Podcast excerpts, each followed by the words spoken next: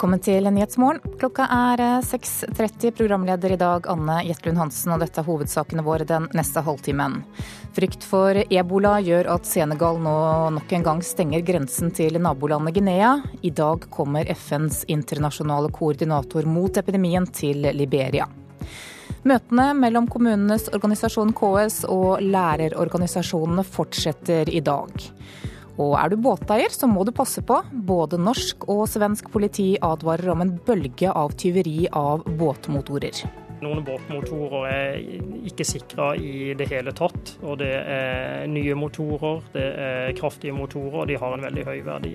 Så oppfordringa blir å sikre båtmotorene så godt som mulig, også opplagsplasser.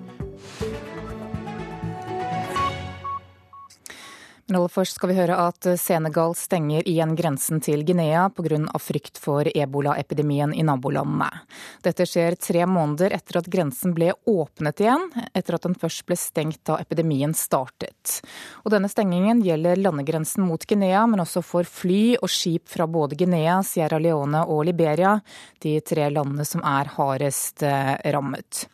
Og den britiske legen David Nabarro lander i morgentimene i dag i Monrovia, Liberias hovedstad. Nabarro er oppnevnt av FN til å koordinere den internasjonale innsatsen mot ebolautbruddet, og dette er hans første besøk til de rammede landene. Og Afrikakorrespondent Kristine Presttun, hva er det Nabarro ønsker å oppnå med dette besøket? Han ønsker å se med egne øyne hvordan situasjonen er, og sier at hans fremste oppgave er å gjøre det mulig for helsearbeiderne å gjøre jobben sin. Men han har en tøff oppgave. I Monrovia så mangler sykepleierne helt elementære ting som beskyttelseshansker. Og det er også et skrikende mangel på helsearbeidere. Dette er jo et land som hadde et svakt helsesystem fra før. Eh, landet hadde bare 50 leger på over 4 millioner mennesker.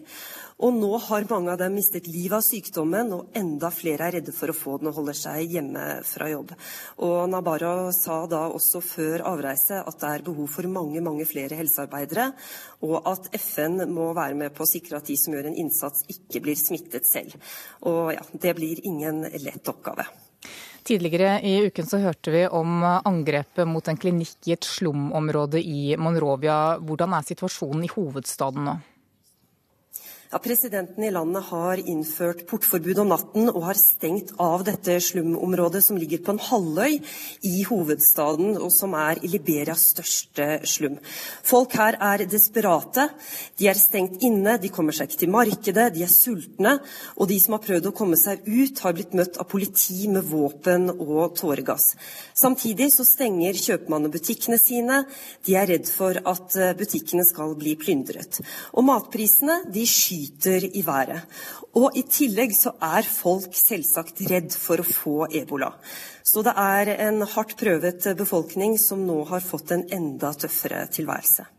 Han kommer altså til Liberia i dag og skal også besøke Sierra Leone og Guinea etter hvert. Har han kommet med noen konkrete løfter om hva FN vil gjøre for å bekjempe denne sykdommen?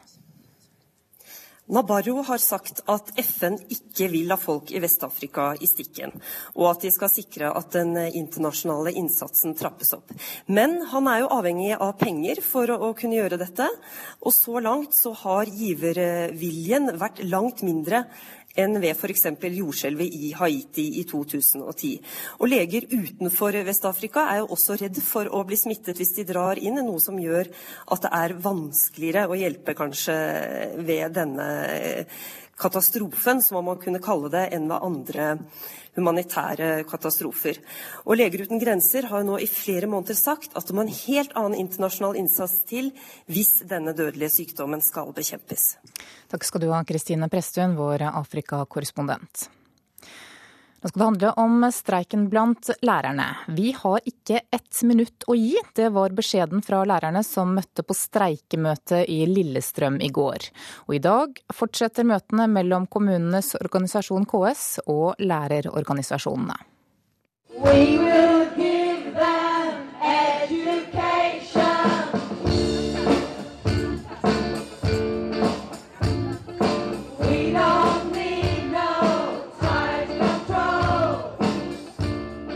Vi vil ikke ha noen tidskontroll, sang streikebandet og drøyt 1000 frammøtte lærere på Lillestrøm torg i går kveld.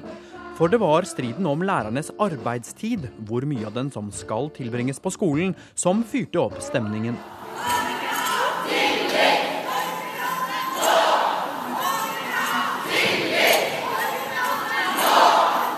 Og mens lærernes kamprop landet rundt er høylytte, er det tyst fra møtene mellom KS og lærerorganisasjonene i Oslo. Møter som fortsetter i dag. Partene er nemlig enige om å ikke uttale seg til media så lenge sonderingene pågår. Men sentralstyremedlem i Utdanningsforbundet, Britt Helene Rusdal Hamre, mer enn antydet fra talerstolen i går at deres forhandlere ikke har mye å gå på i det betente arbeidstidsspørsmålet.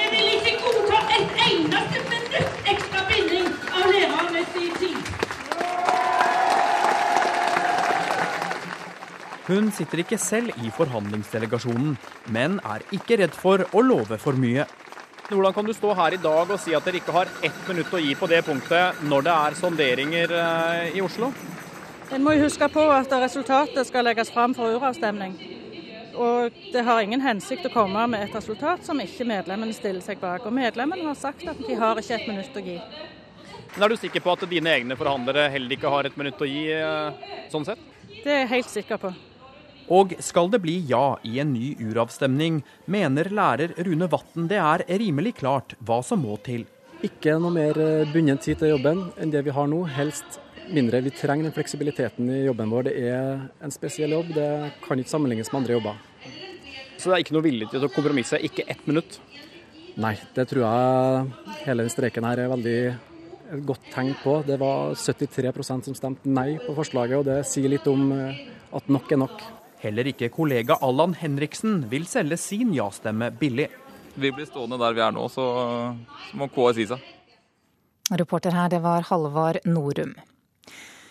Både norsk og svensk politi mener at det nå kan komme en bølge med tyveri av båtmotorer.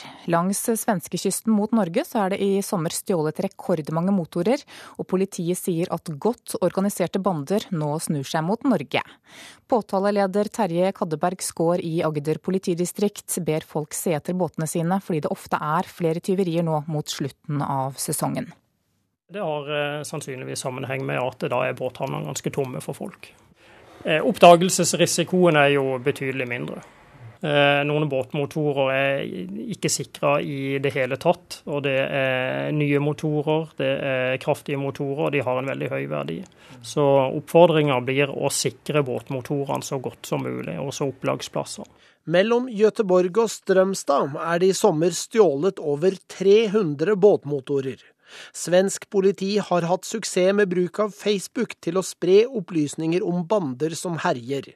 Flere er tatt, men de flytter seg også til nye steder, sier leder for arbeidet, politiinspektør Thomas Andersson. Eh, og Det betyr bare det at tyvene åker til andre områder. Og, og, det er klart at eh, er det så at man ikke gjør omtrent samme som vi gjør i Norge, uten at man titter ikke til sine saker kanskje, og det er mye lettere å stjele det, så kommer det å øke hos dere. Det kan jeg ikke si noe annet. Og reporter her, det var Thomas Sommerseth. Ikke kjør barna til skolen, la dem sykle eller gå. Det er oppfordringen fra Trygg Trafikk nå i skoleoppstarten. Og kommunikasjonsrådgiver Kristin Øyen i Trygg Trafikk, velkommen. Takk. Hvorfor vil dere ikke at vi skal kjøre barna våre til skolen? Nei, det er jo sånn at Når eh, veldig mange foreldre skal kjøre og sette av barna sine ved skolen i noen hektiske sånn morgentimer, så blir det kaotisk, og det blir farlig for de andre barna, som kanskje er litt større og har begynt å gå selv. Men for mange av oss, du snakker om dette med hektisk, for mange av oss er jo dette et nødvendig onde. At vi må ta bilen til jobb eller et stykke på vei til jobb i hvert fall. At vi derfor tar med barna for å se at de kommer seg trygt frem da. Mm. Nei, men, ja, men du gjør det farlig for alle de andre barna. da. Du risikerer jo å skape en farlig situasjon for naboens barn ved å kjøre ditt eget barn. Eh, og så er det bra for barna å få lov å gå eller sykle selv. Da, da får de mer erfaring i trafikken sammen med en voksen. Selv har jeg god erfaring fra de første årene med barn med å lage sånn følgevenngrupper ved å være en gruppe foreldre som følger flere barn fra samme nabolag til skolen. Da går de sammen med en voksen og kommer trygt fram, og så, og så slipper man å gjøre det hver eneste dag da når man har det travelt, for det kjenner jo mange seg igjen i. Ja, når kan de små slippes alene ut på skoleveien, da, mener dere? Nei, Det kommer veldig an på forholdene ved den enkelte skolen og hvordan barna er. Altså, jeg tror de fleste vil føle at det er best å følge både første- og andreklassinger veldig mange steder i Norge. Andre steder er det jo gang- og sykkelvei helt fram, og da er det jo noe annet. Da kan barn sykle tidligere også enn det vi ellers anbefaler. Men det er noe annet å måtte forholde seg til trafikk og trafikkregler og mye biler og ting som skjer. Og nå I forbindelse med oppstarten så holder både FAU mange steder og også politiet kontroller i forbindelse med skolestart. Kan du si litt om hva de, hva de ser? Jeg ser nå at f.eks. Oslo-politiet reagerte på én av fire bilførere som ble kontrollert rundt skolene. Og halvparten av de igjen fikk eh, reaksjoner pga. fart eller håndholdt mobil. Og det er jo høyt tall altså når eh, det samtidig er mye fokus på at nå er det mange uerfarne trafikanter akkurat på de stedene hvor politiet faktisk står og kontrollerer. FAU, da? Hva, slags tilbakemeldinger gir de? Eh, nei, Det er jo mange som sier at det er litt kaotisk rundt skolene. Og, og man ser jo det, nettopp den problematikken med at mange skal kjøre og sette akkurat der hvor barn skal krysse veien, som jo er det farligste da, ved kryssing av veibanen. Så det man også kan gjøre, hvis man er helt nødt til å kjøre fordi det er travelt og sånn som du er inne på, så kan man jo sette av barnet litt unna skolen, så unngår man i hvert fall å stå akkurat der hvor det kommer veldig mange andre barn. Så kan de gå den siste biten selv. Kristin Øyen, mm. takk for at du kom til Nyhetsmorgen. Da skal vi se hva avisene har på forsidene sine i dag. Pasienter må vente 100 uker på undersøkelse, det er overskriften i Aftenposten. Over hele landet må pasienter vente på oppfølgingskontroll etter tarmkreft, og lengst er ventetiden ved Akershus universitetssykehus. Der tar det to år. Forskere Vårt Land har snakket med, mener at retorikken som Fremskrittspartiet kjører, bidrar til å radikalisere muslimer i Norge. Meningsløs kritikk, svarer Carl I. Hagen. I Dagsavisen så ber imam Senaid Koilicha om at kampen mot radikalisering og ekstremisme må prioriteres høyere, og han ber alle religioner ta oppgjør med ekstremister i egne rekker. Dagens Næringsliv forteller at tre menn som er dømt for til sammen 450 bedragerier, slipper unna med en tredel av den opprinnelige fengselsstraffen. Årsaken er at politiet somlet med saken. PST vil se alt vi gjør, det er overskriften i Klassekampen i dag. Sjefen for Politiets sikkerhetstjeneste mener at det er nødvendig at norsk etterretning skal få lagre informasjon om vanlige folks nettbruk for å ivareta den nasjonale sikkerheten. Men Datatilsynet er skeptisk. Olje- og energiminister Tord Lien sier til Stavanger Aftenblad i dag at det er meningsløst å la oljen ligge. Han mener at det å la olje- og gassressursene ligge igjen på sokkelen er dyr symbolpolitikk. Nasjonen skriver at distriktstilskudd gir økt verdiskapning og flere arbeidsplasser, ifølge en rapport fra Statistisk sentralbyrå. Likevel har regjeringen kuttet støtten med en firedel. Tidligere polititopp Hanne Kristin Rode tar et kraftig oppgjør med sin tidligere arbeidsgiver i Dagbladet i dag. Hun mener at en firkantet organisasjon i politiet gjør at kvinnene rømmer. Mens VG har testet eh, sjampo, tolv kjente sjampomerker. Konklusjonen er at billig er bedre enn dyrt. Så skal det handle om tennis her i Nyhetsmorgen. NRKs tennisekspert Jan Frode Andersen mener 15 år gamle Kasper Ruud kan bli veldig stor. I går ble Ruud tidenes yngste NM-vinner. Og han kan ha arvet noe talent fra faren sin, tennisstjernen Christian Ruud, mener Andersen. En av de beste eh, i verden på hans alder, det er det ingen tvil om. Det er eh, en komplett tennisspiller i en alder av 15, så det er, eh, det er gøy. Norges yngste beste herrenorgesmester noen gang, Kasper Ruud. NRKs tennisekspert Jan Frode Andersen er imponert over 15-åringens spill. Og den ferske norgesmesteren ser noen likheter til pappa, Christian Ruud, som har vunnet 15 NM-titler. Jeg har jo mye av de samme verdiene som han har i spillet sitt. Det grunnsolide liksom, grunnmuren, for å si det sånn. Da. Det er av det samme som han, men så er jeg kanskje litt mer leken og litt mer aggressiv enn han. Men han, hadde, han, hadde ikke vært for han, så er det ikke sikkert jeg hadde begynt med tennisen engang. Så stor takk til han for det. Sier Kasper Ruud, som allerede drømmer om å slå pappa. Det er jo å kunne leve av tennisen, da. Eh, bli bedre enn pappa. Og topp 39 som det var, slå det. Det er jo det som er eh, målet. da. Så får vi se. Går det ikke, må jeg kanskje jobbe litt hardere, eller går det, så er det jo det veldig fint. Andersen tror samarbeidet mellom far og sønn kan bli veldig bra. Ja, det er klart Å ha den spisskompetansen in-house, det er jo det er jo veldig stor, et veldig stort konkurransefortrinn. Det er ikke noe tvil om det. Han er ikke en kar som pusher. Han har jo ofte sagt at nei, jeg må holde igjen Kasper litt. Ja. Han, vil, han vil så mye.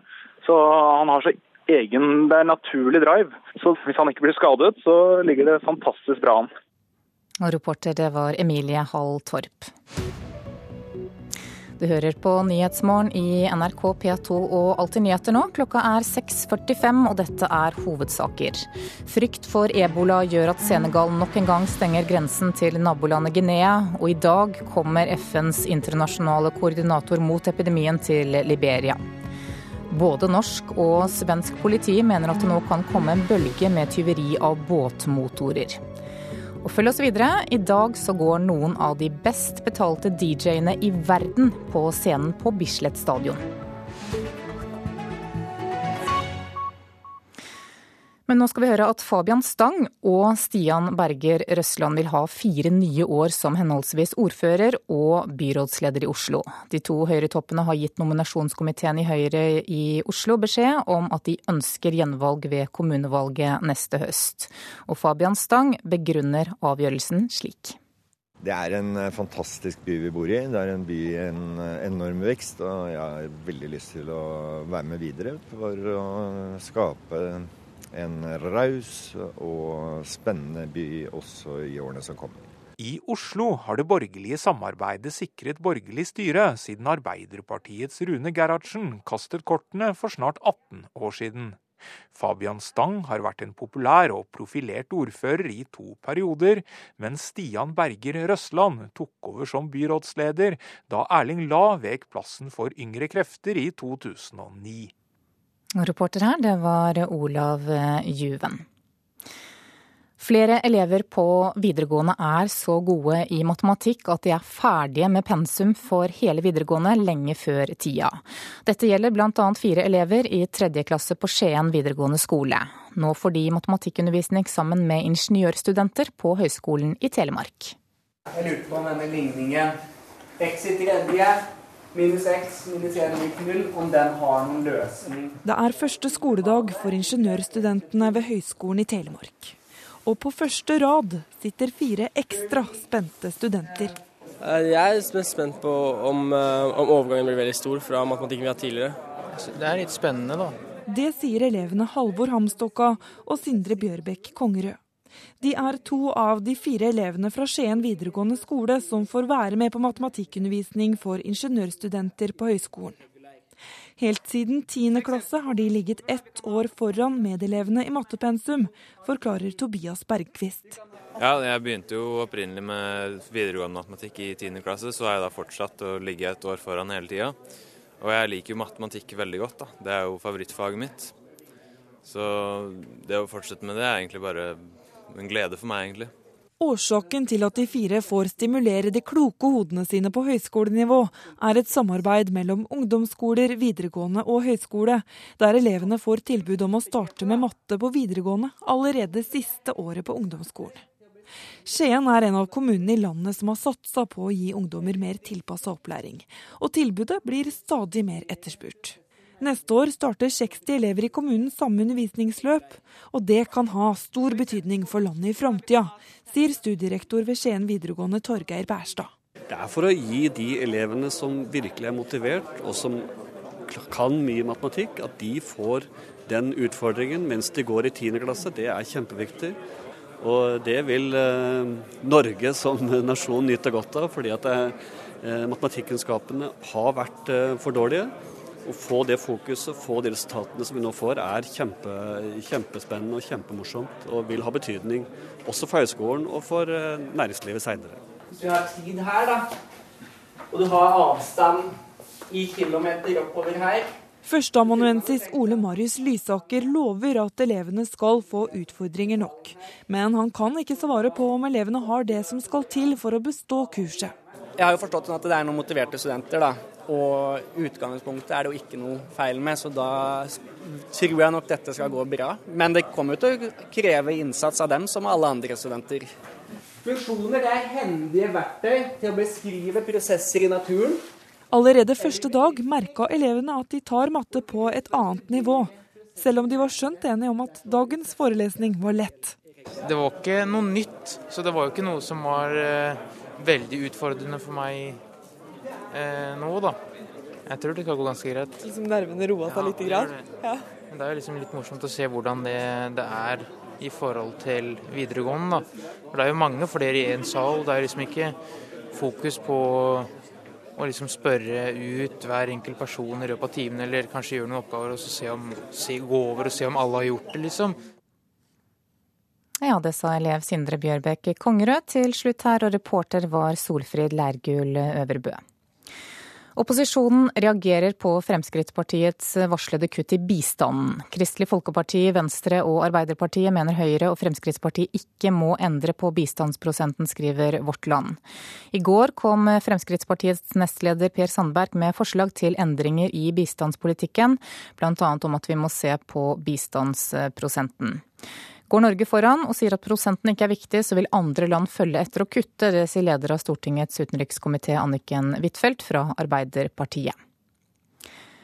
I dag går noen av de best betalte DJ-ene i verden på scenen på Bislett stadion. Anledningen er den nystartede Findings-festivalen, som utelukkende er viet elektronisk dansemusikk.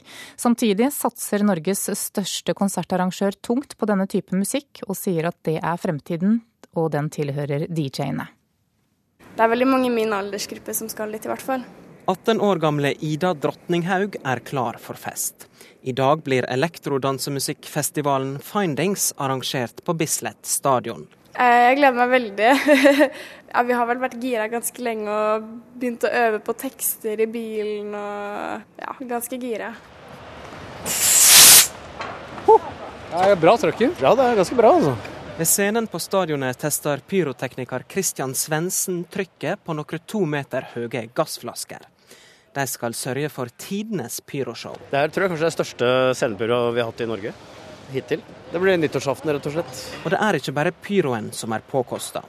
Noen av verdens dyreste DJ-er er booka inn, blant de Steve Angelo og Avicii. So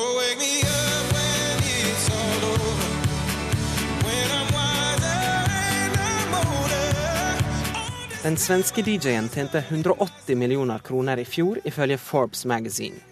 Sammenlagt omsetter EDM, elektronisk dansemusikkbransjen, for over 38 milliarder kroner, ifølge en rapport fra bransjetreffet International Music Summit. De er rockestjerner. Det, det, når de entrer scenen, så skriker folk. De har samme ljud, ljus som alle rockband. Det, de er liksom nutidens rockstars. Det sier Martin Nilsen i Live Nation, Norges største konsertarrangør, som arrangerer festivalen.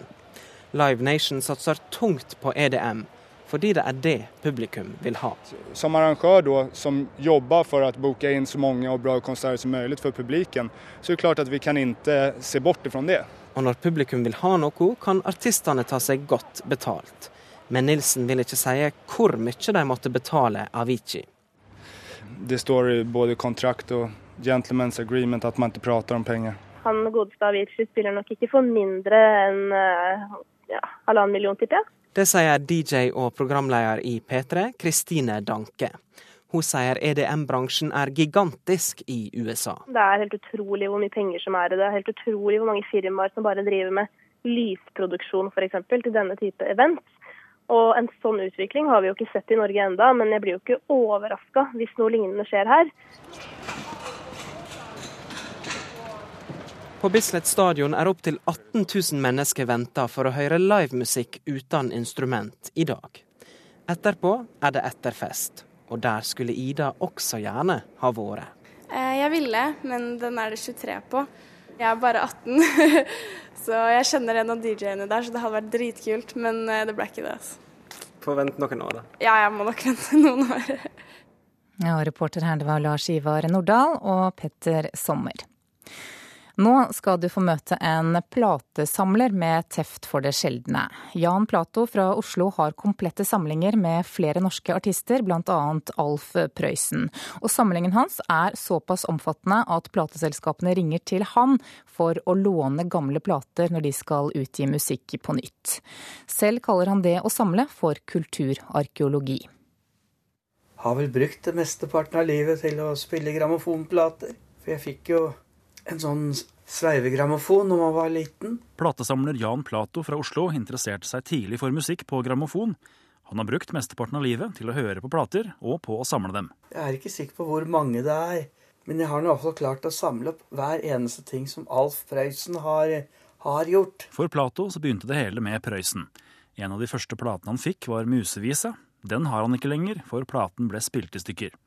Tidlig på 60-tallet fikk han lyst til å høre sangene og å få tak i 78-platene igjen, men de hadde da gått ut av produksjon og solgtes ikke lenger. Dermed så ble det jo aktuelt å prøve å finne alle platene, og det har man jo da til slutt klart.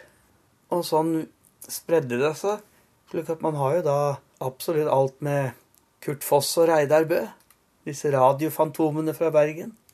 Så har man jo alle platene til Leif Juster. Jeg mangler riktignok én. Det er en reklameplate for eh, Tomtens oppvaskmiddel. Men ellers har jeg greid å få tak i alt det andre. Men kanskje størst av alt? Jeg må jo si at å finne en grammofonplate der Edvard Grieg spiller piano i 1900 og Jeg tror det er 1903. Den fikk jeg tips om lå i London. Så da reiste jeg til London og kjøpte den, og tok den med meg hjem. For jeg tok ikke sjansen på å bruke Posten eller noe annet sånt noe. I dag har Plato en imponerende platesamling, og samlingen hans er såpass komplett at han blir kontakta når noen enten skal gi ut gammel musikk på nytt, eller trenger den på andre måter. Her er jo det med, som jeg kaller det for kulturarkeologi. Fordi at det er mange ting som ingen vet om. For plateselskapene har jo ikke tatt vare på noe særlig informasjon. Og da er det jo veldig morsomt å kunne bidra med ja, men det, det vet jeg hva er, og det, det, har jeg. Og jeg har også hjulpet Arne Bendiksen med, med ting som han skulle gi ut. Var blitt borte. Og Plato sitter fortsatt på materiale som ikke er reutgitt, bl.a. en lite solgt musikksamling med norske samtidskomponister fra 60-tallet, der matriser og originalbånd ble sendt til ei søppeldynge i Tyskland. Så det klikka fullstendig for en eller annen der nede. Så alt originalmateriellet der, det er borte. Men jeg har altså et, et sett av de platene som er uspilt. Slik at uh, dersom uh, Universal altså nå eier dette her, finner ut at de skal gi ut, så kan de jo få låne dette og spille av. Og Jan Plato har også utarbeidet diskografien over Alf Prøysens plateutgivelser, som, han, som kan leses på Prøysenhusets nettsider. Reporter her, det var Audun Kristiansen. Da skal vi se på et værvarsel som gjelder til midnatt. Fjellet i Sør-Norge kan vente seg skiftende bris i dag. Enkelte regnbyger, sludd eller snø over ca. 1800 meter kan hende med torden. Østlandet og Telemark skiftende bris, på kysten sørlig opp i frisk bris. Regnbyger vesentlig i ettermiddag, kan hende med torden. Agder skiftende bris, regnbyger kan hende med torden også der, og i kveld lettere vær. Rogaland kan vente seg skiftende bris i dag, regnbyger og utrygt for torden. Hordaland og Sogn og Fjordane skiftende bris. Nordøstlig frisk bris ved Stad. Fra i ettermiddag nordlig opp i liten kuling nord for Feie. Enkelte regnbyger vesentlig i ettermiddag og i indre strøk. Møre og Romsdal nordøstlig periodevis frisk bris på kysten. Enkelte regnbyger særlig i indre strøk i ettermiddag. Trøndelag skiftende bris, enkelte regnbyger, i kveld nordøstlig bris og til dels pent vær. Nordland skiftende bris, på kysten i nord stedvis nordøstlig liten kuling. Spredte regnbyger og perioder med sol. Troms bris omkring øst, i ytre strøk opp i nordøstlig frisk bris. Opphold og lange perioder med sol. Finnmark må belage seg på skiftende bris i dag. Først på dagen enkelte regnbyger i ytre strøk, ellers opphold og perioder med sol. Og på Nordensjøland på Spitsbergen blir det nordvestlig bris i dag, og stort sett pent vær. Så tar vi med noen temperaturer som ble målt klokka fem. Da hadde Svalbard lufthavn fire grader. Kirkenes, Vardø og Alta hadde seks. Tromsø-Langnes 9, Bodø 11, Brønnøysund 12, Trondheim-Værnes 10, Molde 9, Bergen-Flesland 10, Stavanger og Kristiansand 9, Gardermoen 10, Lillehammer 9, Røros 7 og Oslo-Blindern hadde 11 grader klokka fem i morges. Østafjells og fjellet i Sør-Norge kan vente seg litt lavere temperaturer i dag. Vestlandet og Trøndelag uendret eller litt høyere temperatur. Og Nord-Norge og Spitsbergen der er det ventet omtrent uendret temperatur.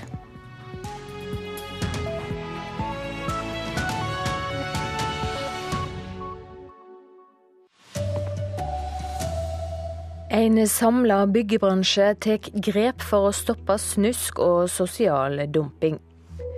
Og avtroppende FN-topp kommer med sviende kritikk av Tryggingsrådet. Her er NRK Dagsnytt klokka sju. Nye tiltak fra byggenæringa skal stoppe mafialignende tilstander i bransjen. Byggenæringa er i dag plaga av skatteunndraging, hvitvasking, fiktive fakturaer og sosial dumping. Det trengs ei sentral godkjenningsordning, samordning av offentlige opplysninger og bedre ID-kontroll, sier administrerende direktør Jon Sandnes i Byggenæringens Landsforening. Dette er en stor enighet i bransjen. Eh, vi har satt sammen et bredt sammensatt utvalg med representanter fra hele verdikjeden. Eh, og man er samstemt i at dette er helt nødvendige tiltak. Vil det stoppe mafiavirksomhet i bransjen, som det har vært snakk om? Den vil aldri kunne stoppe, men den vil gjøre alt mer tilgjengelig og mer transparent, og vil være kanskje det viktigste virkemidlet i den kampen. Reporter Line Tomter. FNs avtroppende høykommissær for menneskeretter, Navi Pillai, kommer med sviende kritikk av Tryggingsrådet i FN. Hun sier rådet setter nasjonale interesser framfor brudd på menneskerettene og trusler mot global fred og trygghet. Jeg tror fullt og fast at større respons fra dette rådet ville ha spart hundretusenvis av liv, sa Pillai i sin siste tale til Tryggingsrådet før hun slutter etter seks år som høykommissær for menneskeretter. Vestfoldbanen er stengt mellom Skien og Larvik etter ei avsporing ved Åklungen i natt. Pressevakt i Jernbaneverket Tor Erik Skarpen sier strekninga trolig vil være stengt fram til mandag. Det var et eh, tog som 20 eh, over 12 i natt eh, sporet av Okklungen. Det var ikke spesielt eh, dramatisk, det er ingen som ble skadet. Men eh, det er en del spor eh, og sporveksler som er skadet og som må repareres. Vi trenger nok å bruke et par dager på å fullføre reparasjonene på strekningen, så jeg tror ikke vi klarer å åpne før mandag. Men foreløpig så har vi ikke noen sikker prognose for når vi åpner. Og NSB kjører de reisende i buss eller drosje så lenge det blir arbeid på strekninga. Opposisjonen reagerer på at Fremskrittspartiet varsler kutt i norsk bistand. I går sa nestleder i Frp Per Sandberg at en må revurdere bistandsprosenten. I dag går nesten 1% av norsk bruttonasjonalinntekt til bistand. Både KrF, Venstre og Arbeiderpartiet advarer regjeringa mot å endre bistandsprosenten, det skriver Vårt Land. Dersom Norge går framfor og sier at prosenten ikke er viktig, vil andre land følge etter og kutte, sier leder av Stortingets utenrikskomité Anniken Huitfeldt fra Arbeiderpartiet. NRK Dagsnytt, Silje Sande. Klokka er 7.03. Eh, Nyhetsmorgen fortsetter med Anne Jetlund Hansen i studio. Dette er hovedsakene våre. Planen for å stoppe mafiatilstander i byggebransjen er klar, men ikke alle er like overbeviste om at de virker. Norske kommuner greier ikke å ta seg godt nok av voldelige pasienter som sliter med psykiske lidelser og rus, ifølge en ny rapport. Og flere enn 690 jenter fra jesidi-minoriteten og shia-islam er bortført av islamistgruppe i Nord-Irak, ifølge myndighetene. Nye tiltak fra byggenæringen skal stoppe mafialignende tilstander i næringen. Bransjen er i dag plaget av skatteunndragelser, hvitvasking, fiktive fakturaer og sosial dumping. Per Jæger, leder i Boligprodusentenes forening, sier at målet er nå å rydde opp. Det at vi kan få stoppa den gryende mafiavirksomheten vi har i vår næring. Å stoppe mafialignende tilstander og annen kriminalitet er håpet, sier Per Jæger, som har ledet et utvalg nedsatt av kommunalministeren. På byggeplasser er det ikke uvanlig med falske ID-kort. Useriøse aktører opererer med fiktive fakturaer, skatteunndragelser og sosial dumping.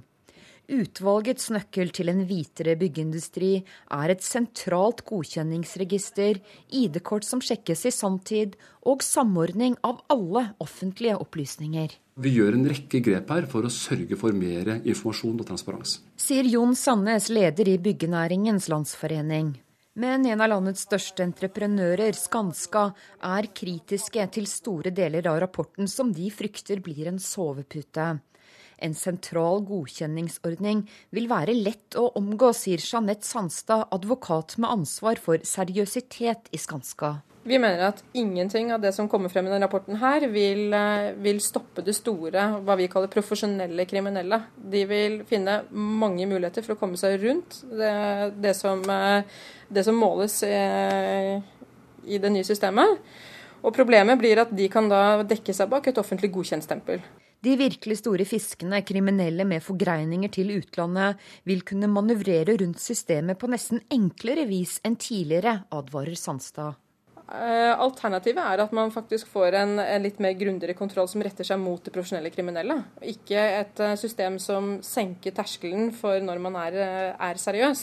Det er der de største utfordringene ligger. Det er der man finner den groveste kriminaliteten, etter vår erfaring. Altså, vi ser store, tunge, profesjonelle kriminelle eh, daglig nesten, som forsøker å, å komme seg inn på våre prosjekter. Og det er klart at eh, de vil, eh, de vil, kunne nå dekke seg under et offentlig godkjentstempel, og vi vil få en utfordring når vi skal få de ut, når vi går inn og kontrollerer at dette er faktisk ikke riktig. Det er for lite kontroll, altså det er for lite reell kontroll i, i de virkemidlene som foreslår. Men Skanska støtter deler av utvalgets arbeid, ikke minst forslaget om at alle offentlige opplysninger må inn i én database. Forslagene fra utvalget vil nok også gi noe økt byråkrati og mer overvåking, sier utvalgsleder Per Jæger. Ja, altså, noen vil jo hevde at dette blir mer overvåkning. Ja, Det kan hende at det blir noe mer overvåkning. Men ønsker vi at dette samfunnet skal styres av kriminelle? For det er jo det som er alternativet. Og det er jo det vi ser i byggenæringa, som er faktisk et av de stedene hvor det er lettest å gjøre svarte penger hvite. Så her må vi faktisk gjøre noen valg. Og reporter her, det var eh, Line Tomter. Kommunal- og moderniseringsminister Jan Tore Sanner, velkommen. Takk skal du ha. Det var litt delte meninger her, men hva syns du om tiltakene som er foreslått? Jeg har eh, bedt eh, byggenæringen sammen med arbeidstakerorganisasjon å komme med forslag om hvordan det kan ryddes opp i, i byggenæringen. Det er, som det kom frem i denne reportasjen, avdekket snusk og fanteri, useriøsitet, sosial dumping, svart arbeid. Dette kan vi ikke, kan vi ikke leve med. Jeg vil gjøre det lettere å være seriøs og vanskeligere å være useriøs. Og jeg er veldig glad for at eh, bransjen selv, næringen, byggenæringen, kommer med konkrete forslag. Mm, men hva syns du om forslaget? Ja, jeg har eh, sans for, for mange av, av, forslagene. Eh, og jeg mener at vi både må ha en nasjonalt kvalitetsstempel for de seriøse aktørene, samtidig som vi selvsagt også må ha mer kontroll for å avdekke de, de useriøse. Og dette handler om oss forbrukere. Vi må kunne være trygge på at de som skal gjøre jobben i huset vårt, er et seriøst selskap. Det er viktig for kommunen at de som skal bygge skolen, er seriøse. Og det er viktig for eh, arbeidstakerne at de kan være trygge på sin arbeidsgiver. Så her er vi nødt til å rydde opp, og jeg er veldig glad for at næringen selv nå har samlet seg om konkrete forslag. Det er første start på oppryddingsarbeidet. Men så hører du innvendingene her blant annet, eller fra Skanska, som mener at dette ikke bare kan bli en sovepute, men at det faktisk kan bli vanskeligere å ta kriminelle. Hvordan ser du på det? Ja, her tror jeg nok at Skanska har misforstått ganske fundamentalt. fordi at dette er ikke noe sovepute. Tvert imot. Nå skal vi sørge for at, at det blir lettere å være seriøs seriøs, og vi skal også eh, ta de useriøse. Men det sier at det, det blir lettere ene... å unngå, unngå dette ja, der tar, der tar Skanska fullstendig feil, eh, og jeg tror ikke de har satt seg skikkelig inn i denne problemstillingen. For det er jo ikke slik at kontroll eh, utelukkes eh, ved en nasjonal kvalitetsstempel. Jeg mener vi må ha begge deler. Vi må både sørge for at de seriøse aktørene kan få en kvalitetsstempel, slik at vi forbrukere vet hvem vi forholder oss til, samtidig som det selvsagt også må være mer, mer kontroll. Men hva gjør dere da for å sørge for at eh, det ikke blir så mange som greier å sno seg unna, da, sånn som Skanska peker på her? Jo, hele poenget her er jo at vi skal få et, en nasjonal ordning som gjør at de seriøse aktørene kan få et kvalitetsstempel. Det mener jeg er, er svært, eh, svært, viktig. Eh, det gjør at eh, de vil kunne hevde seg bedre i konkurransen, og det vil oss som forbrukere trygghet for at vi har en seriøs aktør. Men så er jeg også enig med Skanska at, at det kan ikke stoppe der. Vi er også nødt til å sørge for bedre kontroll med de useriøse aktørene. Men det blir jo etterlyst grundigere kontroll av de, liksom de store profesjonelle kriminelle miljøene. Hva, hva, gjør dere med dem? Skal de også bli tatt på denne måten, eller gjør dere e, en egen innsats for å ta, for å ta disse? Nei, disse tingene, disse tingene, henger sammen. fordi at Vi må både gjøre det lettere for de seriøse aktørene, og samtidig må vi gjøre det vanskeligere for de useriøse. Eh, og Vi gjør det vanskeligere for de useriøse, dels ved at de ikke får dette kvalitetsstempelet, samtidig som det også må føres bedre, bedre kontroll. og Der gjør jo Arbeidstilsynet en god, god, jobb, og vi har jo allerede styrket eh, deres, eh, deres ressurser. Og også Økokrim har jo en viktig rolle her. Takk skal du ha, Jan Tore Sanner. Og vi skal videre til politiinspektør Leif Ole Toppnes i Rogaland politidistrikt. Deres distrikt er av dem som har advart mot mafiatilstander i byggebransjen.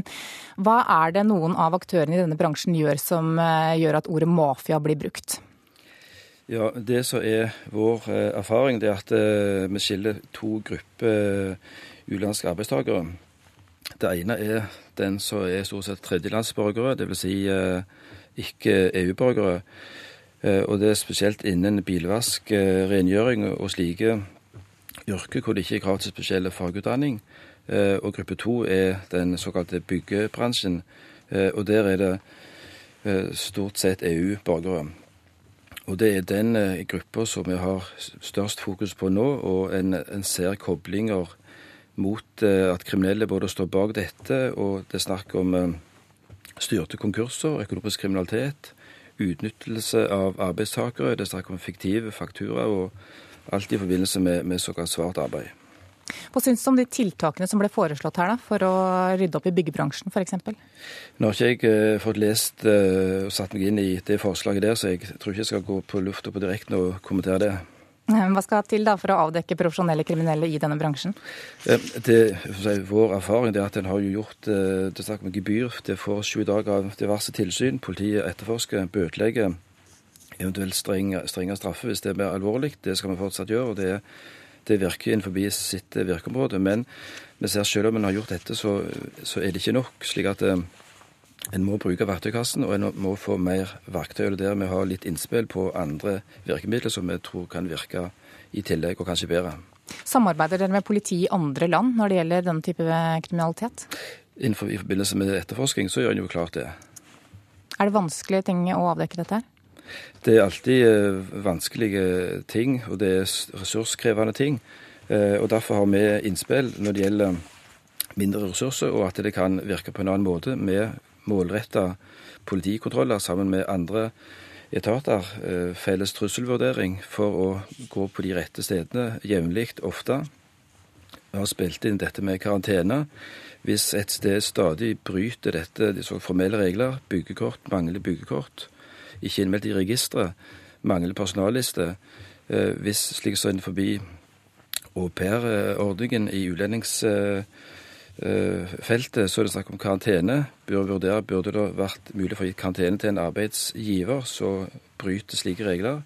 Dette med bruk av utlendingslovverket på denne typen utenlandske arbeidstakere med bortvisning har god erfaring med det i andre sammenhenger. Eh, dette med mulighet for å stenge en virksomhet, slik som en òg har mulighet for innenfor bl.a. skjenkenæringen, serveringsnæringen, et sted som driver ulovlig utnyttelse uten formelle Eh, ting er på plass, hvis det er mulig for å stenge det på stedet, det må da gjøres straffbart, de formelle overtredelsene, så vil det òg være et, et verktøy som vil virke umiddelbart og lite ressurser. Leif Ole Toppnes, takk for at du var med i eh, Nyhetsmorgen. Norske kommuner greier ikke å ta seg godt nok av voldelige pasienter som sliter med psykiske lidelser og rus. En ny studie viser at et tettere samarbeid mellom kommunene og sykehusene er viktig for å hjelpe dem det gjelder. Dette er funn som forplikter, det sier avdelingsdirektør for helse og velferd i kommunenes organisasjon KS, Tone Marie Nybø Solheim. Det må et forpliktende samarbeid til mellom sykehus og kommune for at vi skal lykkes med denne vanskelige oppgaven, som det er for kommunene. Tobarnsmoren sto utenfor huset sitt i Bodø da den siktede gikk til angrep. Mannen har en lang behandlingshistorie hos helsevesenet etter at han kom til Norge som NRK har tidligere fortalt flere rystende historier om mennesker i psykisk ubalanse som dreper.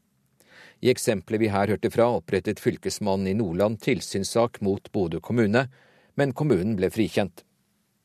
Vi må nå gjøre alt vi kan for å unngå lignende tragedier.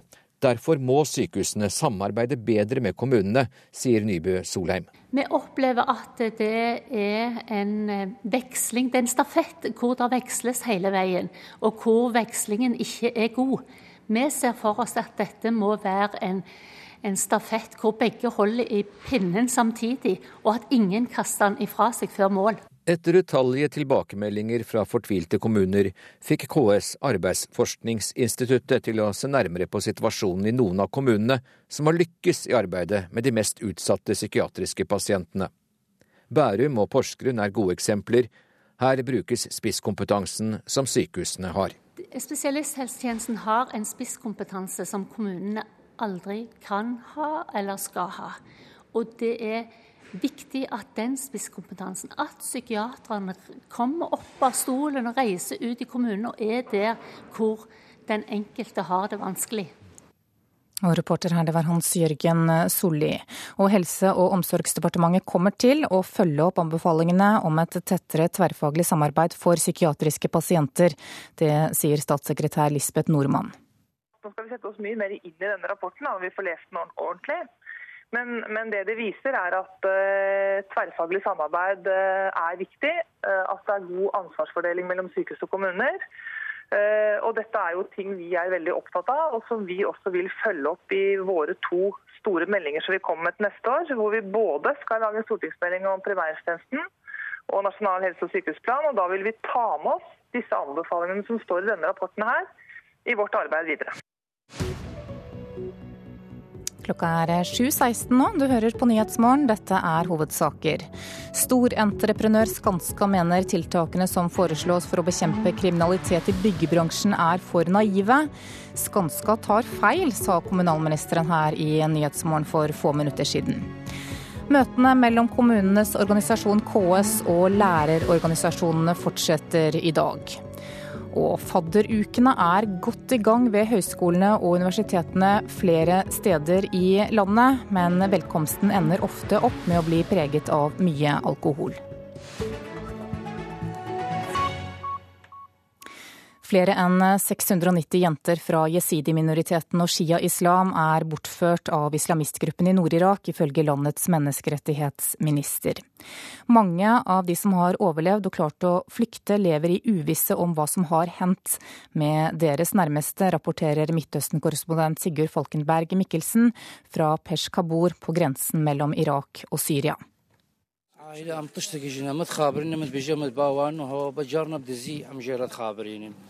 Noen av dem som ble tatt til fange, hadde mobiltelefon med seg, og vi kunne kommunisere med dem. De fortalte at de hadde bind for øynene og ikke visste hvor de var. Men etter at Badrine døde, har vi ikke hørt noe fra dem. Vi vet ikke hvor de er nå, forklarte Sadun Hasun, som jeg traff ved Tigris bredder like etter at han hadde krysset over fra Syria og inn i de kurdiske områdene i Irak. Den eneste trygge veien for jesidiene som hadde flyktet opp på Sinjarfjellet. Frykten blant dem som har kommet seg i trygghet, er at jentene som ble tatt, misbrukes seksuelt eller selges videre. Men ennå vet ingen helt hva som foregår. Hason er en av nå over 200 000 flyktninger som har kommet til de kurdiske områdene siden IS innledet sin offensiv for drøye to uker siden. Nå klarer kurderne å bite litt bedre militært fra seg, bl.a. takket være amerikansk luftstøtte men han forteller at de ikke hadde noen sjanse da IS rykket fram.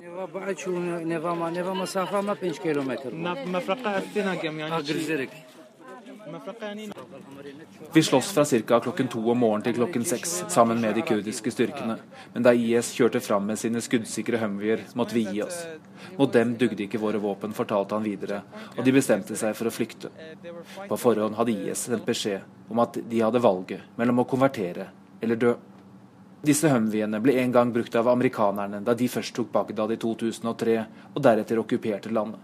De ble så levert videre til den irakiske hæren, som viste seg både korrupt og udugelig i nord, og ga seg uten kamp da IS rykket fram i juni. Nå er alt utstyret de da fikk tak i, ofte den avgjørende forskjellen på slagmarken. Det være seg om de slåss mot andre opprørsgrupper i Syria eller her i Irak. Kurderne er nå lovet våpen av flere europeiske stormakter og USA, men det kan gå mot en lang krig, og Hasson mener at han og hans folk ikke lenger har noen plass i Irak. Ikke etter at også mange naboer og folk de kjente deltok i fordrivelsen av dem. Det er heller ikke første gang jesidiene har blitt utsatt for etnisk rensing.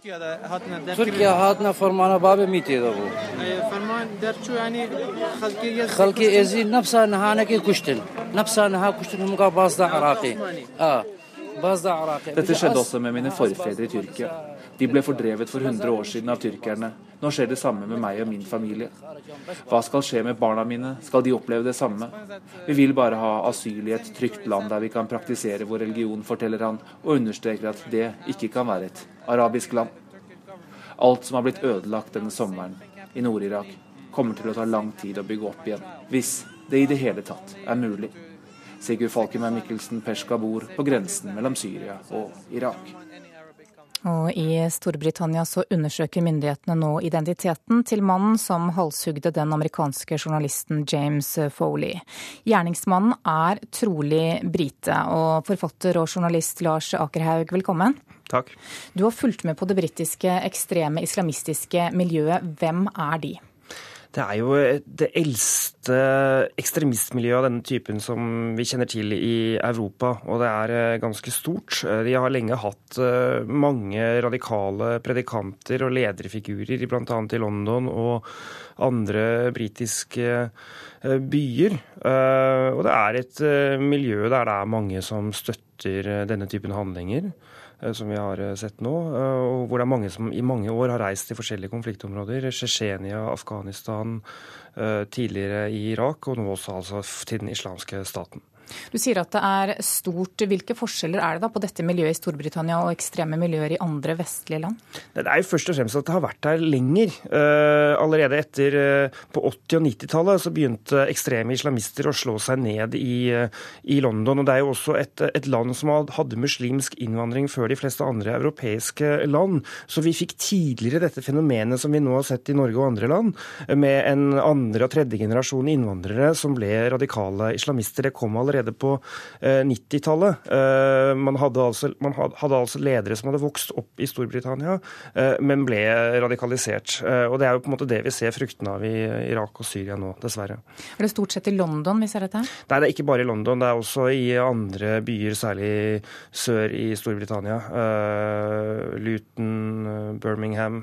Flere, flere byer hvor det er radikale islamistmiljø. Og Hvilken tilknytning er det da mellom disse miljøene og miljøer i Norge?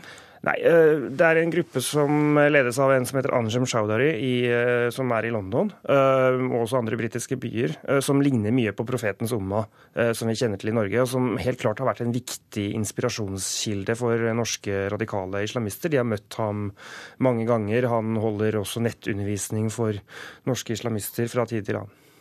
Hvilken betydning har denne siste dramatiske henrettelsen? da? Eh, hvilken eh, betydning kan det få for den videre kontakten og videre inspirasjon, tror du? Det er klart at uh, slike handlinger for enkelte dessverre kan være en inspirasjon. Uh, fordi dette er et miljø som dyrker vold, som forherliger vold.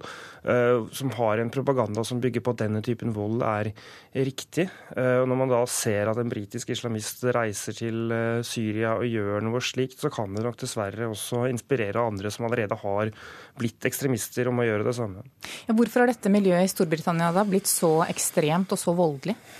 Nei, Det er vanskelig å, å, svare på, men det er den samme, dessverre den samme utviklingen som skjer i alle europeiske land. Og det, det dreier seg jo om andre- og tredjegenerasjons innvandrere, og også britiske konvertitter, som ikke finner seg helt til rette, og som søker action og spenning i andre land, og bruker religion som en unnskyldning for å utføre slike bestialske handlinger. Lars Akerhaug, takk for at du kom til Nyhetsmorgen. Da skal vi se hva avisene har på forsidene sine i dag. Pasienter må vente 100 uker på undersøkelse. Det er overskriften i Aftenposten i dag. Over hele landet så må pasienter vente lenge på oppfølgingskontroll etter tarmkreft, og lengst er ventetiden ved Akershus universitetssykehus. Der er ventetiden to år. Forskere Vårt Land har snakket med, mener retorikken som Fremskrittspartiet bruker, bidrar til å radikalisere muslimer i Norge. Meningsløs kritikk, svarer Carl I. Hagen. I Dagsavisen ber imam Senaid Koilacha om at kampen mot radikalisering og ekstremisme må prioriteres høyere, og han ber alle religioner ta oppgjør med ekstremister i egne rekker. Dagens Næringsliv forteller at tre menn som er dømt for til sammen 450 bedragerier, slipper unna med en tredel, en firedel av den opprinnelige fengselsstraffen. Årsaken er at politiet somlet med saken. PST vil se alt vi gjør, er overskriften i Klassekampen i dag. Sjefen for Politiets sikkerhetstjeneste mener at det er nødvendig at norsk etterretning skal få lagre informasjon om vanlige folks nettbruk for å ivareta den nasjonale sikkerheten, men Datatilsynet er skeptisk. Olje- og energiminister Tord Lien sier til Stavanger Aftenblad i dag at det er meningsløst å la oljen ligge. Han mener at det å la olje- og gassressursen ligge igjen på sokkelen er dyr symbolpolitikk. Nasjonen forteller at distriktstilskudd gir økt verdiskapning og flere arbeidsplasser, ifølge en rapport fra Statistisk sentralbyrå. Likevel har regjeringen kuttet støtten med en firedel. Tidligere polititopp Hanne Kristin Rode tar et kraftig oppgjør med sin tidligere arbeidsgiver i Dagbladet i dag. Hun mener at en firkantet organisasjon i politiet gjør at kvinnene rømmer. Mens VG har testet sjampo, tolv kjente sjampomerker, og konklusjonen er at billig er bedre enn dyrt.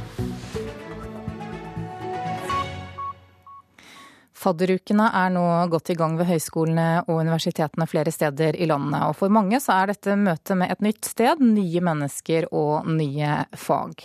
Men velkomsten ender ofte opp med å bli preget av mye alkohol, og nå har Høgskolen i Lillehammer tatt et oppgjør med drikkekulturen. Det er liksom russetida på nytt, egentlig. Ja, er det? Ja, jeg føler det. Det føler jeg òg. Det er helt mørkt, ut er det kun meg igjen. Slik kan det høres ut i morgen kveld. Da spiller nemlig Circus på Studenten i Lillehammer, som et av høydepunktene i årets fadderuke. Leder og nestleder i fadderstyret i Elverum, Emeline Torp og Mathias Eng, mener festene er prega av mye alkohol.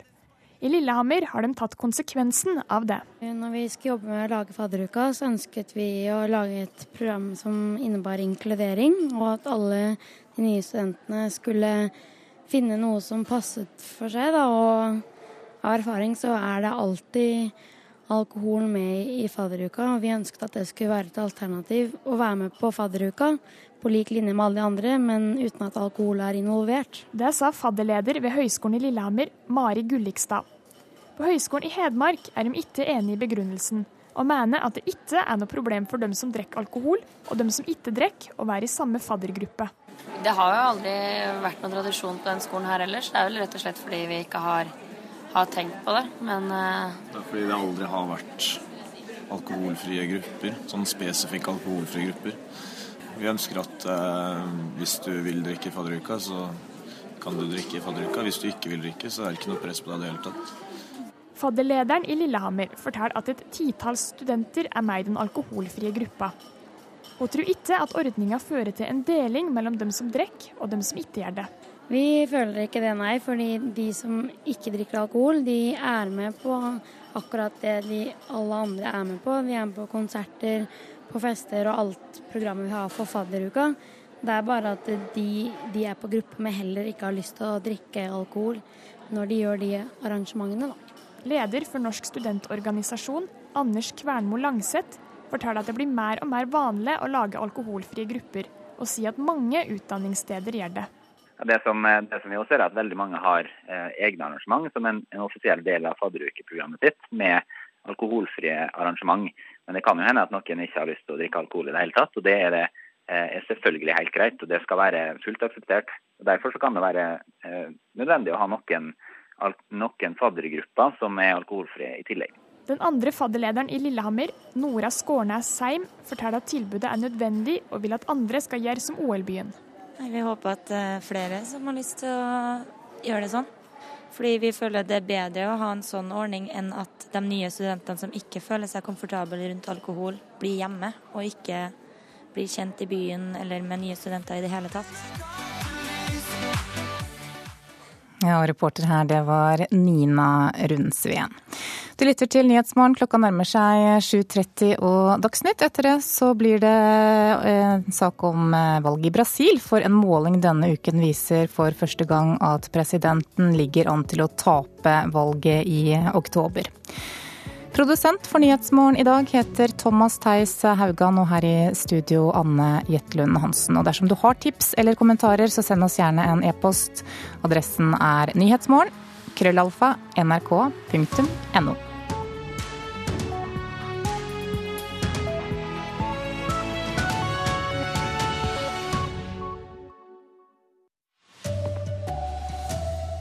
Byggebransjen er lei mafia og snusk, kommer med tiltak mot hvitvasking og sosial dumping. Fortvilte kommuner takler ikke farlige pasienter, ber om tettere samarbeid med sykehusene.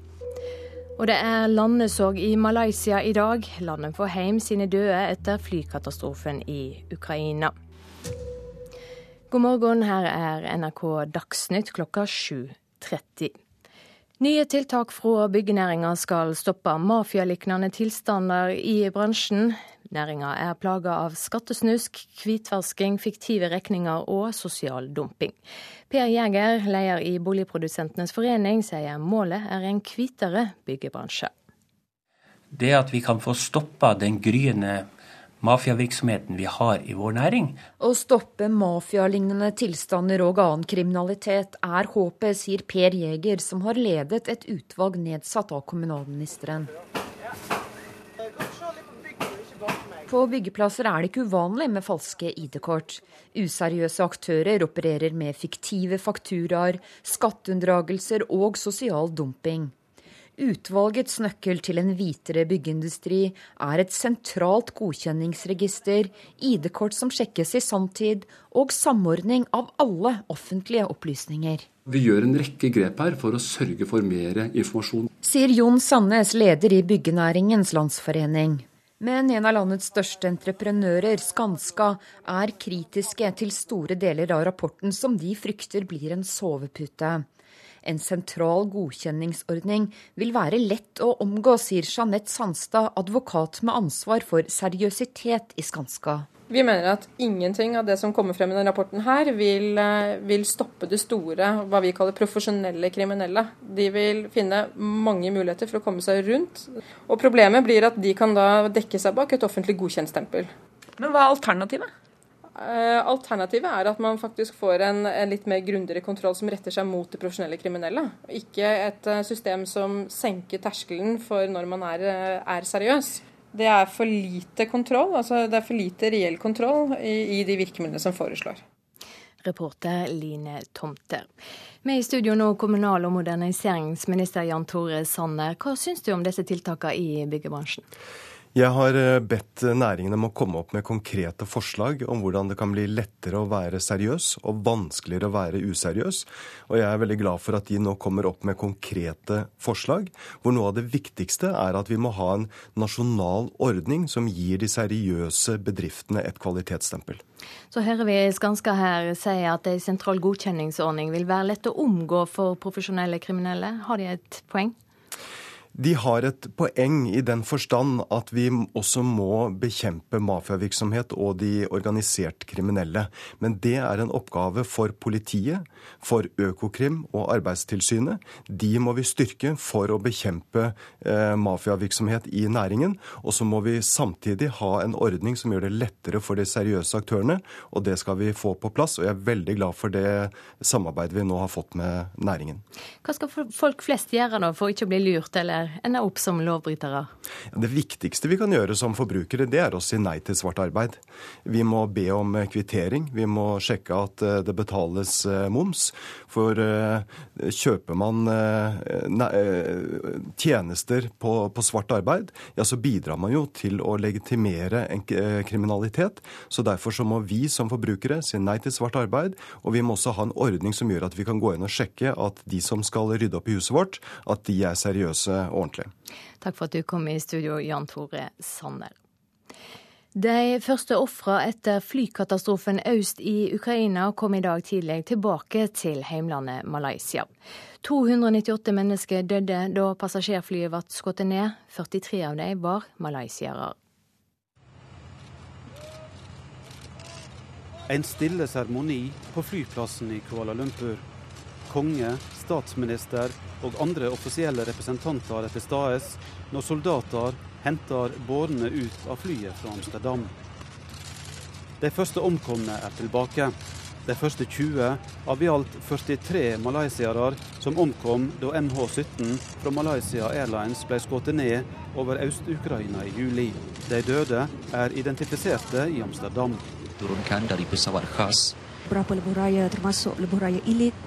Over hele landet følger folk seremonien på TV. Det er stille i ett minutt etter at flyet har landa. Dagen i dag er nasjonal sørgedag i Malaysia. Innbyggerne er bedne om å kle seg i svart. Alle de 298 som var om bord, omkom da MH17 ble skutt ned på vei fra Amsterdam til Kuala Lumpur. Det sa reporter Eivind Molde. Hjemme nå, norske kommuner makter ikke å ta seg godt nok av voldelige pasienter som sliter med psykiske lidelser og rus. En ny studie viser at disse pasientene kan få god hjelp hvis sykehusene tar sin del av ansvaret, men de fleste kommunene føler at de er overlatne til seg sjøl. Tone Marie Nybø Solheim er avdelingsdirektør for helse og velferd i KS. Det må et forpliktende samarbeid til mellom sykehus og kommune for at vi skal lykkes med denne vanskelige oppgaven, som det er for kommunene. Tobarnsmoren sto utenfor huset sitt i Bodø da den siktede gikk til angrep.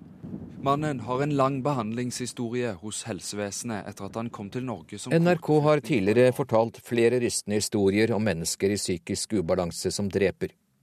I eksempelet vi her hørte fra, opprettet fylkesmannen i Nordland tilsynssak mot Bodø kommune men kommunen ble frikjent. Vi må nå gjøre alt vi kan for å unngå lignende tragedier. Derfor må sykehusene samarbeide bedre med kommunene, sier Nybø Solheim. Vi opplever at det er en eh, veksling, det er en stafett hvor det veksles hele veien, og hvor vekslingen ikke er god. Vi ser for oss at dette må være en, en stafett hvor begge holder i pinnen samtidig, og at ingen kaster den ifra seg før mål. Etter utallige tilbakemeldinger fra fortvilte kommuner fikk KS Arbeidsforskningsinstituttet til å se nærmere på situasjonen i noen av kommunene som har lykkes i arbeidet med de mest utsatte psykiatriske pasientene. Bærum og Porsgrunn er gode eksempler. Her brukes spisskompetansen som sykehusene har. Spesialisthelsetjenesten har en spisskompetanse som kommunene aldri kan ha eller skal ha. Og Helse- og omsorgsdepartementet sier de kommer til å følge opp tilrådingene om et tettere tverrfaglig samarbeid for psykiatriske pasienter. Reporter Hans-Jørgen Solli. Sonderingene mellom partene i skolekonflikten holder fram i dag. Der skal KS og lærerorganisasjonene prøve å finne en vei ut av den fastlåste situasjonen. Samtidig sa Utdanningsforbundet på et streikemøte i Lillestrøm i går kveld at de nekter å rikke seg i spørsmålet om lærerne sin arbeidstid.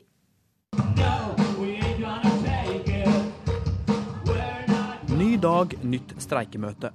Nok en gang var det spørsmålet om lærernes arbeidstid som fyrte opp forsamlingen. Det er liten tvil om at KS krav om mer tilstedeværelse på skolen er blant temaene som vil bli diskutert bak lukkede dører og gråpapirkamuflerte vinduer i Oslo i dag. Men det er ikke snakk om å møtes på midten, skal vi tro sentralstyremedlem i Utdanningsforbundet, Britt Helen Rusdal Hamre, som holdt appell i går. Vi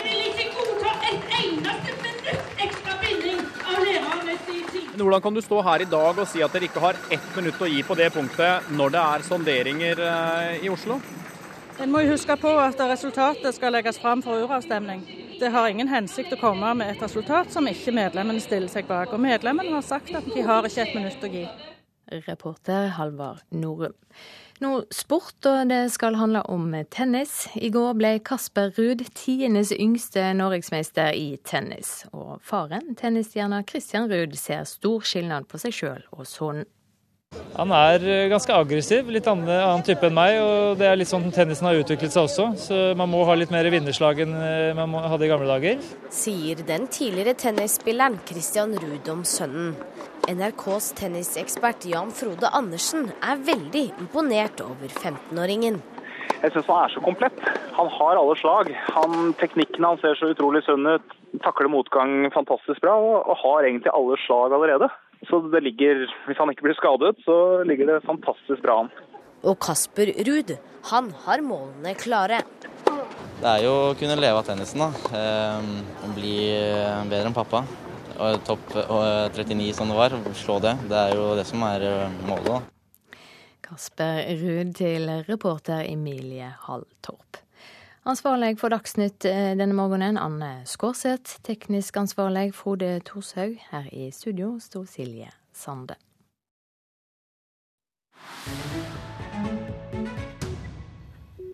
Klokka er 7.40 eh, og Nyhetsmorgen fortsetter. Og vi skal til Brasil, for der er spørsmålet om det kan bli et maktskifte i verdens fjerde største demokrati.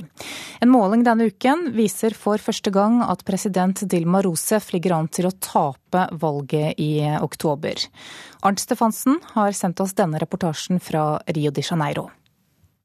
Com um Brasil generoso com as diferenças, um Brasil que seja mais equilibrado regionalmente.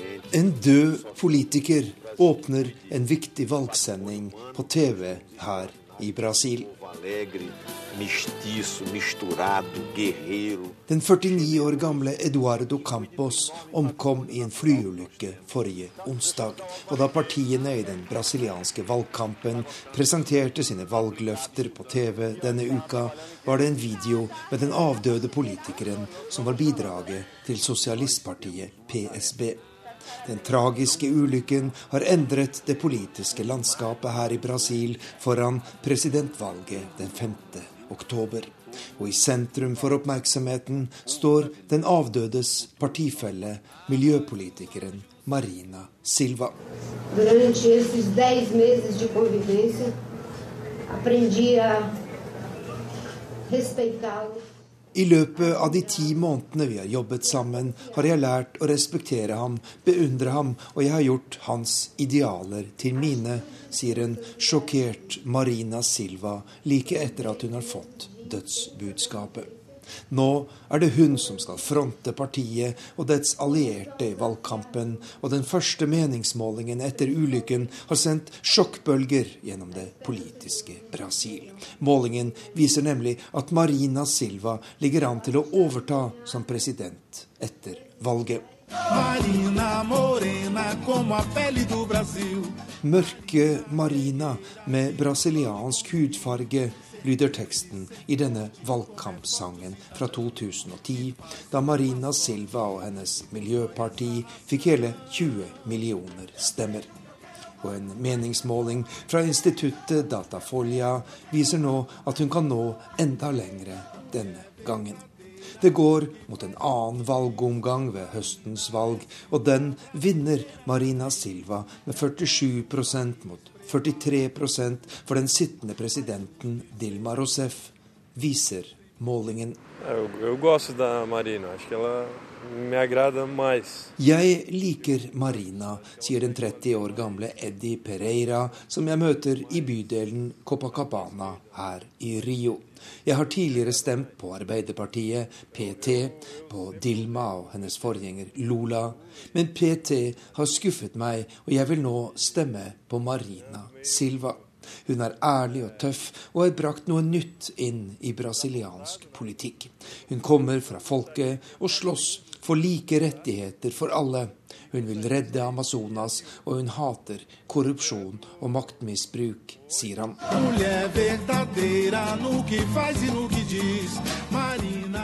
Marina Silvas liv er som hentet fra en roman.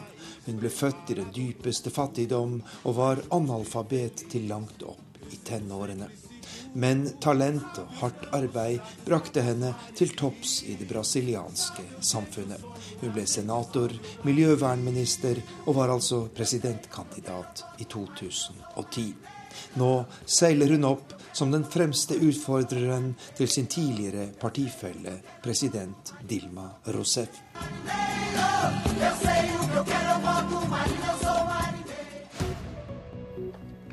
Du lytter til Nyhetsmorgen. Klokka er 7.44. Dette er hovedsakene våre.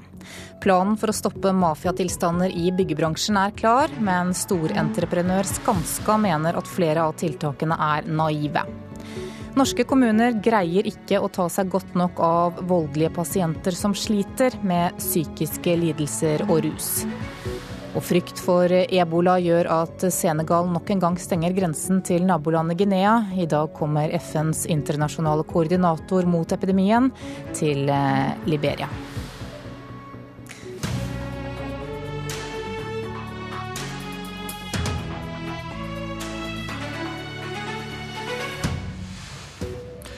Ble han misforstått av sine fiender, eller ble han tvunget i kne av sine venner? Vi borer videre etter sannheten om Støre og olja. Og når skrøt du sist at du kommer fra en oljenasjon? Velkommen til Politisk kvarter. 12.07 taler Arbeiderpartiets nye leder Jonas Gahr Støre på AUF sommerleir. Sitat Kanskje må to tredeler, tre fjerdedeler, bli værende under sokkelen. 20.8 skriver Støre i Aftenposten sitat noen har tatt til orde for at det bør være et selvstendig mål at Norge lar to tredjedeler eller tre fjerdedeler av forekomstene bli liggende. Det blir feil og for enkelt. Sitat slutt. Støvet har så vidt lagt seg. Kommentator i Dagens Næringsliv Kjetil Alstheim. Hva skjedde mellom disse to sitatene? Han eh, kom med en uttalelse som ble tolket som et veldig, veldig nytt og overraskende signal fra Arbeiderpartiet i klimapolitikken. Eh, og så ble han kjørt eh, hardt på det, fra, særlig fra ja, Høyre og, og, fra Fremskrittspartiet, på om, om, dette er en omlegging fra Arbeiderpartiet i oljepolitikken. Om, om man skal skru igjen oljekranene, som bruke det som et klimapolitisk virkemiddel. Eh, og så kom han da med denne presiseringen. Eh, og jeg vil jo mene at eh, han har jo selv skyld i, forvirringen. For det var en uttalelse som, som, kunne tolkes i den retningen som, som, regjeringen gjorde. Nemlig at han tok til orde for å, å skru igjen oljekrana. Men du kan også tolke den som at han ville ha en diskusjon om hva betyr dette for Norge. Hvis verden tar tar klima på alvor, så er det noe av de fossile ressursene som vil bli liggende. Eh, det kan også gjelde noe av den dyreste eh, oljen, eh, den oljen som er dyrest å utvinne på norsk sokkel. Hva betyr det for, for Norge? Men altså, han har jo selv ansvaret her. fordi i politikken så kan du ikke regne med at dine motstandere tolker deg i beste mening. Samfunnsredaktør i Dagsavisen Irene Halvorsen, VG skriver i dag at han fikk klare signaler fra LO før han skrev i Aftenposten. Ble han tvunget i kne av sine tilhengere? Nei, det tror jeg ikke. Men jeg tror at han har fått råd fra sine tilhengere om hvordan man eh, kanskje må uttale seg for at det blir helt tydelig. Jeg mener eh, egentlig mye som Kjetil sier, at eh, han ble nok eh, misforstått med vilje egentlig både fra miljøhold og fra sine motstandere. Fordi det han sa i sommer, var jo ikke at Norge skal la to tredjedeler ligge, men at eh, Det internasjonale energibyrået sier at to tredjedeler av eh, karbonressursene må bli liggende hvis vi skal nå togradersmålet og Norge kan ikke være uberørt av dette. Altså Det fulle sitatet er egentlig ganske selvfølgelig, men det faktum at han bruker sin tale hos AUF til å si det, tolkes selvfølgelig som at han gir et nytt signal i oljepolitikken. Men kull ligger ikke under sokkelen, gjør den det? Eh, hva tenker du om presset fra LO, Alstheim? Det er ganske naturlig, og, litt, og, som forventet, at eh, de ikke vil ha, at LO ikke kan ha en sånn usikkerhet om, eh, om eh, en såpass stor næring og så mange arbeidsplasser. Men, men har, har, det LO sier, vi hører Leif Sande, som vel som har, var tydelig i, i din avis Den største, den største fossilen? Ja, har, har det flytta Eh, meningsinnholdet i det Støre sa, eller er det bare en oppklaring, det som kommer i denne kronikken? Altså, jeg, jeg tror mest det er en oppklaring, men eh, oppklaringen er hva Støre ikke vil gjøre. Altså at han ikke vil eh, skru igjen eh, krana og bruke det som et klimapolitisk virkemiddel. Men den usikkerheten som fortsatt ligger der, er jo hva er det han vil gjøre i klimapolitikken? For han har sendt, han sendte klare signaler da han ble valgt som ny leder at her kommer det noe. det kommer noe nytt. Og vi har sett det etter at Arbeiderpartiet gikk ut av regjering, at de har uh, forsøkt, de, har, de, flytter seg i klimapolitikken. De kom med dette forslaget om at kullaksjer skulle ut av oljefondet. De kom gikk inn i en allianse når det gjaldt elektrifisering på, på Utsirahøyden. Og så ble det mye klabb og babb der, og de gikk litt frem og tilbake. Men de har sendt klare signaler om at de skal gjøre noe nytt i klimapolitikken. Og Støre har ikke greid å fortelle oss hva dette nye er. Nei, og det er han ikke klar til helt ennå, fordi eh, Støre mener at dette er et gyllent øyeblikk for Arbeiderpartiet til å skape ny politikk. Både når det gjelder olje- og klimapolitikk, når det gjelder skattepolitikk og når det gjelder skolepolitikk. Det er derfor han har satt ned store liksom, utvalg internt i partiet, som er ledet uh, av Trond Giske på skole, Marianne Martinsen på skatt, uh, og ham selv på klima. Og han ønsker å bruke denne tiden i opposisjon til å skape skape ny politikk for Arbeiderpartiet. Og det han sier selv da, er at hvis jeg allerede nå låser de eh, altså det, Hvis jeg allerede nå låser de posisjonene, så har vi jo ikke en reell prosess knyttet til å skape ny politikk. Ville dette skjedd alle nye ledere som skal lage ny politikk, eller er det noe med Støres form som gjør han eh, lett å angripe på noen måte? Ja, jeg tror vel, For det første så viser det at uh, for Arbeiderpartiet, så er det, som det er det største opposisjonspartiet, så er det veldig vanskelig å, å skulle tro at uh, de kan, kan, drive et slags sånn åpent seminar uh, og få lov til å være i fred med det. Det, det, kreves klare svar fra det partiet løpende. Jeg tror nok Støres form har litt å si her, fordi han Eh, særlig i klimapolitikken så har eh, Arbeiderpartiet vært så veldig klare gjennom Jens Stoltenberg. For Stoltenberg har så, eh, hatt en så veldig tydelig tale på at det er de kostnadseffektive virkemidlene som teller. Og han har brukt all sin kraft på å forklare, prøve å forklare folk hva et kvotesystem er og hvordan det virker. Mens Støre er litt mer sånn hjertepolitiker og har litt større sans for symboler. Eh, og da går, det, går, man fort ut i et eh, terreng som blir litt uklart. Men han har landet på akkurat samme sted som Jens Stoltenberg? Det har han. Ja. Og det er jo fordi at uh, Arbeiderpartiets politikk er Arbeiderpartiets politikk helt til man har bestemt noe annet, og det har man ikke gjort ennå. Så det Støres og Arbeiderpartiets poeng er at de mener jo at forklaringsansvaret ligger hos regjeringen og de blå, mens de vil sette en opposisjonspolitikk. Men Kjetil har selvfølgelig helt rett i at det vil være noen uker og måneder nå hvor Arbeiderpartiet vil bli avkrevd svar hvor de nok ikke er helt, helt klare til å gi så tydelige svar som vi er eh, vant til å avkreve eh, politikerne i norsk politikk. Men det Arbeiderpartiet ønsker å vise, er jo at regjeringen selv strever ganske kraftig både med sin oljepolitikk og med sin miljøpolitikk. Både gjennom miljøavgifter og annet. Og det vil vi se allerede i budsjettforhandlingene som kommer til å komme i høst. Det ser ikke ut som velgerne lot seg skremme. 34,8 på dagens måling i Aftenposten for Arbeiderpartiet. Takk for analysen.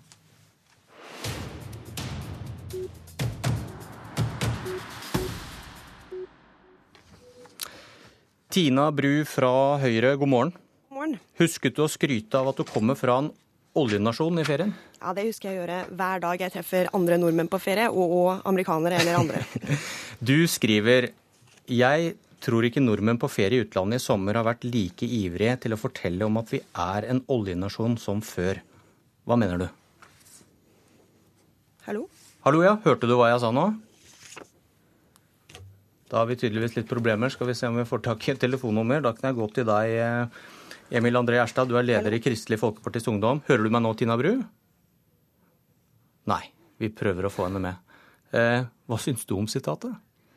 Nei, altså Jeg syns ikke vi skal ha en oljenæring for oljenæringa sin skyld. Um, så syns jeg i det innlegget som dette sitatet kommer fra, så drar Tina Bru opp et annet problem som jeg mener ikke er et problem, nemlig rekrutteringen til eh, oljebransjen. Det henger jo litt sammen, da.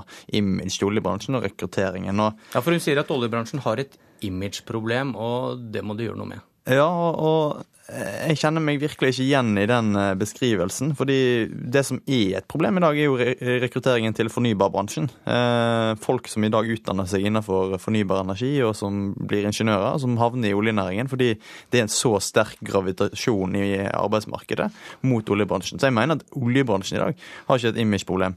Eh, og det er fordi at for det, er gode lønnsvilkår der, og mange som jobber der og som har det veldig bra. men vi skal ikke ha en oljenæring for oljenæringens skyld, og da må vi, må vi liksom ikke snakke opp oljenæringen eh, eh, bare for å snakke den opp. Vi må snakke den opp hvis vi mener at den har en framtid. Da har vi med oss eh, Tina Bru igjen, tror jeg. Du, du skriver da at norsk olje- og gassindustri må bli opptatt av image. og Hva er det du tenker på da?